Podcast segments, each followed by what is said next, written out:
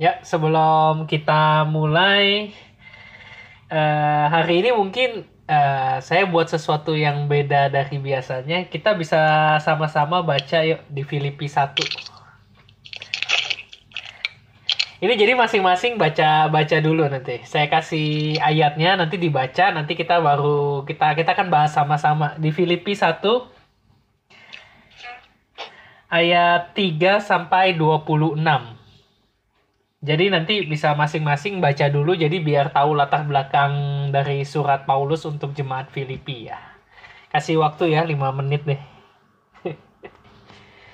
nah, kita lanjutin ya.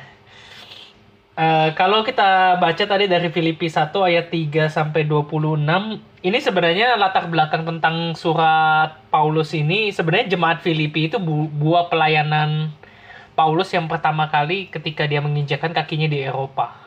Jadi saat itu dia dapat visi dari Tuhan untuk menyeberang ke Eropa dan inilah jemaat pertama kali yang maksudnya jemaat Filipi itu jemaat pertama kali pelayanan Paulus yang ketika dia berada di Eropa. Nah, surat ini menarik. Menariknya seperti ini. Kalau kita baca tadi dari ayat 3 sampai ayat 26 coba kita belajar bayangin deh ketika kita membaca ayat ini kayaknya surat ini kayak penuh dengan kasih penuh dengan kasih sayang yang hangat untuk jemaat di sini. Jadi ini berbeda dari surat-surat Paulus yang lain dan surat ini menggambarkan seperti kayak Paulus itu makanya di ayat 3 di pertama kali dia memulai aku mengucap syukur kepada Allahku setiap kali aku mengingat kamu. Jadi kayak Petrus itu kayak penuh dengan ucapan syukur, penuh dengan sukacita, dengan penuh dengan benar-benar apa sih kasih yang hangat untuk jemaat ini di ayat 4 dan setiap kali aku berdoa untuk kamu semua aku selalu berdoa dengan sukacita. Ini ayat luar biasa dah. Dan setiap kali aku berdoa untuk kamu semua aku selalu berdoa dengan sukacita. Jadi Paulus ketika dia sedang berdoa untuk jemaat di Filipi dia berdoa dengan penuh sukacita. Nah yang jadi pertanyaannya ketika kita berdoa untuk orang-orang apakah kita berdoa dengan penuh sukacita? Atau jangan-jangan gini kita merasa terpaksa oh ya karena saya uh, lagi saya karena saya ada di posisi kepemimpinan ada ada di sebuah posisi atau jabatan atau pelayanan baru saya mendoakan. Tapi berbeda dengan Paulus. Dia berdoa dengan penuh sukacita. Bahkan dia ketika dia mengingat jemaat ini dia mengingatnya juga dengan sukacita dia nggak mengingat keburukan-keburukan dari jemaat ini. Dia mengingat dengan sukacita, dengan ucapan syukur, bahkan dia berdoa dengan begitu bersukacita. Dan yang di kelimanya, aku mengucap syukur kepada Allahku karena persekutuanmu dalam berita Injil. Mulai dari hari pertama sampai sekarang ini. Wih, ini luar biasa loh. Kalau kita lihat dia jemaat di sini memulai apa memiliki sebuah persekutuan dengan berita Injil dari hari pertama sampai saat ini. Ini maksudnya uh, ada long lasting gitu. Ada sesuatu ada sebuah rentang waktu yang mereka tetap tetap apa? bersekutu dengan pemberitaan Injilnya Paulus. Mereka terus bersekutu dengan berita Injil, bersekutu dengan firman jemaat ini makanya saya bilang di jemaat ini jemaat yang begitu unik. Makanya Paulus itu begitu bersuka cita untuk jemaat ini. Jadi latar belakangnya seperti itu ya. Dan ketika Paulus menulis surat ini Paulus itu sedang berada di penjara. Nah yang jadi pertanyaannya kenapa Paulus yang ada di penjara dia bisa begitu bersuka cita? Itu hal yang aneh loh hal yang begitu aneh, Paulus yang lagi ada di penjara, dia bisa begitu bersuka cita atas jemaat ini. Dia nggak meratapi keadaannya yang lagi ada di penjara. Bahkan ketika dia berdoa sedang ada di penjara, dia berdoa dengan sukacita. Dia bersyukur. Bagaimana seorang Paulus, dia bisa begitu bersuka cita di tengah-tengah masalahnya. Nah ini yang menarik. Menurut teman-teman kenapa? Wih, Daniel tuh, Daniel kayak tahu banget gitu. Eh, ya, sebenarnya balik lagi sih ke responnya Paulus. Responnya Paulus. Responnya Paulus di walaupun dia saat itu lagi nggak bersuka cita kan, karena dalam penjara. Hmm, Nah, gue baca di ayat yang ke 23 sih, Oke, sampai ke 26 di sini. oke. Di mana dia tuh bilang kayak, ini kan ucapan doanya kan, Iya, secara tersirat. Kayak aku ingin pergi dan dia bersama-sama dengan Kristus. Itu memang jauh lebih baik. Di 24 dia bilang. Tetapi lebih perlu untuk tinggal di dunia ini karena kamu. Nah kamunya itu eh, Tuhan kan maksudnya. Jemaat. Eh, jemaat. jemaat ya? Iya, jemaat. Eh sorry jemaat. Iya, Jemaat. karena kamu. Eh bukan. Yang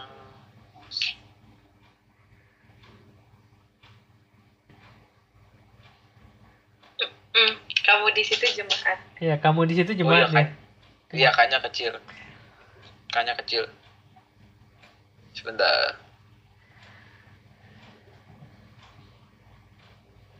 Oh, oh. Setak sayang. Nah, Aku paham sih, cuma bingung aja nyampeinnya. Ayo, kenapa dia bisa begitu bersuka cita? Ini di penjara loh. Di penjara namanya di penjara nggak mungkin dikasih hal-hal yang enak gitu. Pasti dia juga mengalami yang namanya penyiksaan. Mm-mm, bener. Bener. Pasti dia didera, dihajar. Kadang dihajar. Namanya penjara Roma ya kita tahu lah. Nggak mungkin eh, apa tahanan itu hidup dengan sukacita di penjara. Namanya tahanan di zaman itu pasti menderita sekali. Iya. Diseret bahkan. Iya. Paulus sudah mengalami banyak hal, tetapi kenapa di surat jemaat Filipi dia begitu mengalami sukacita? Dia mengalami istilahnya gini, kepenuhan. Hidupnya tuh penuh dengan konten. Dia begitu puas dengan hidupnya sehingga dia bisa bersukacita. Nah, dari dari minggu-minggu lalu kan kita selalu membahas konten itu hanya didapat di dalam Tuhan. Iya kan? Nah, kepuasan yang bisa ngisi ruang hati kita tuh cuman Tuhan dan Tuhan Tuhan Tuhan. Tapi kita hari ini kita mau belajar aplikasinya itu sebenarnya seperti apa sih? Ketika kita bahas tentang konten, bagaimana sih caranya orang itu bisa mengalami kehidupan yang penuh, kehidupan yang bersukacita, kehidupan yang begitu memuaskan. Karena kalau kita lihat dari kehidupan Paulus, kita belajari dia begitu puas dengan kehidupannya. Bahkan di penjara aja dia masih bisa bersuka cita. Kalau kita ngomong kan ini orang gila. Hanya orang yang misalnya disiksa tapi bisa senang. Tapi kalau kita pelajari lebih lanjut, yang menariknya seperti ini nih, kalau kita baca dari ayat 12, aku menghendaki saudara-saudara supaya kamu tahu bahwa apa yang terjadi atasku itu justru telah menyebabkan kemajuan Injil. Jadi alasan jadi gini, mengapa dia begitu senang walaupun di penjara, justru apa yang dialami oleh si Paulus ini, dialami oleh dirinya, itu justru menyebabkan kemajuan Injil. Fokusnya Paulus itu bukan di dirinya. Jadi ketika kita membahas tentang konten hidup yang penuh, hidup yang puas, itu berbicara gini, kita nggak fokus lagi dengan kehidupan kita. Kita fokus terhadap kehidupan orang lain. Yang jadi masalahnya gini, kita siap nggak sih membagi hidup kita untuk orang lain?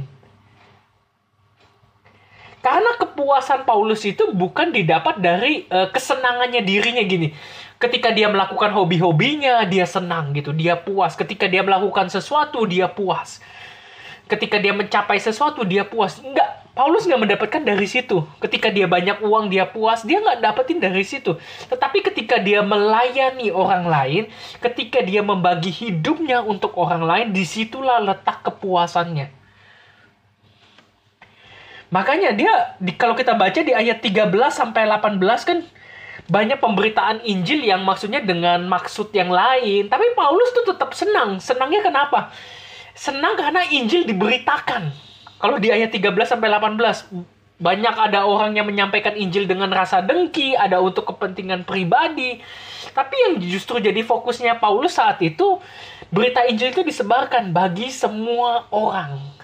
Itu yang menjadi kepuasannya dia. Bahkan ini ada ayat satu ayat ini ayat yang sering dipakai banyak orang, orang Kristen, terutama di ayat 21. Karena bagiku hidup adalah Kristus dan mati adalah keuntungan. Tapi orang selalu berhenti di ayat itu. Kalau kita baca lebih lanjut, tetapi jika aku harus hidup di dunia ini, itu berarti bagiku bekerja memberi buah. Jadi kalaupun dia hidup, hidupnya tuh bukan hidup yang kayak asal-asalan. Hidupku tuh memberikan buah. Buah itu bisa dinikmati oleh orang lain. Buah itu nggak pernah bisa dinikmati oleh si pohon. Bener nggak? Kalau ada pohon, misalnya pohon mangga gitu, ketika dia berbuah menjadi mangga, dia nggak mungkin kan pohon mangga itu makan mangganya sendiri. Nggak mungkin. Hanya orang yang di sekitarnya, orang lain yang bisa menikmati buah tersebut. Nah, kehidupan Paulus tuh seperti itu. Kalaupun dia hidup, dia harus memberikan buah. Jadi dia nggak hidup secara sembrono, dia nggak hidup asal-asalan, dia nggak hidup tanpa tujuan, dia punya sebuah tujuan untuk membagikan kehidupannya untuk orang lain. Nah, saya lanjut lagi ayat 23. Aku didesak dari dua pihak. Aku ingin pergi, jadi dia ingin pergi. Dia pengen ke surga, dia pengen balik ke surga dan dia bersama-sama dengan Kristus itu itu memang jauh lebih baik. Dia katakan gitu, itu memang jauh lebih baik. Tetapi 24, tetapi lebih perlu untuk tinggal di dunia ini karena kamu. Kamu di situ tadi yang sempat Daniel bahas itu jemaat di Filipi. Jadi dia hidup karena kamu, karena jemaat di Filipi ini dia hidup untuk orang lain. Nah, saya lanjutin di ayat 25-nya. Dan dalam keyakinan ini tahulah aku, aku akan tinggal dan akan bersama-sama lagi dengan kamu sekalian supaya kamu dikatakan apa? Makin maju dan bersukacita dalam imam. Jadi Paulus mengambil sebuah keputusan gini, saya pengen stay. Saya tahu saya merindukan sorga, tapi saya pengen ada di dunia ini. Saya pengen menghasilkan buah. Tapi tujuannya gini, buah yang saya hasilkan untuk orang lain itu lebih maju hidupnya daripada saya. Ketika kita membahas tentang konten, hidup yang puas, hidup yang penuh, itu dimulai dari gini. Bisa nggak kita memberikan hidup kita untuk orang lain? Bisa nggak kita menghasilkan buah untuk orang lain? Jadi kekristenan gini, kekristenan itu bukan untuk dinikmati secara pribadi. Kekristenan itu nggak pernah ditujukan untuk pribadi kita. Saya menjadi orang yang diberkati, saya menjadi orang yang makmur atau orang yang ya secara apa-apa berkecukupan enggak.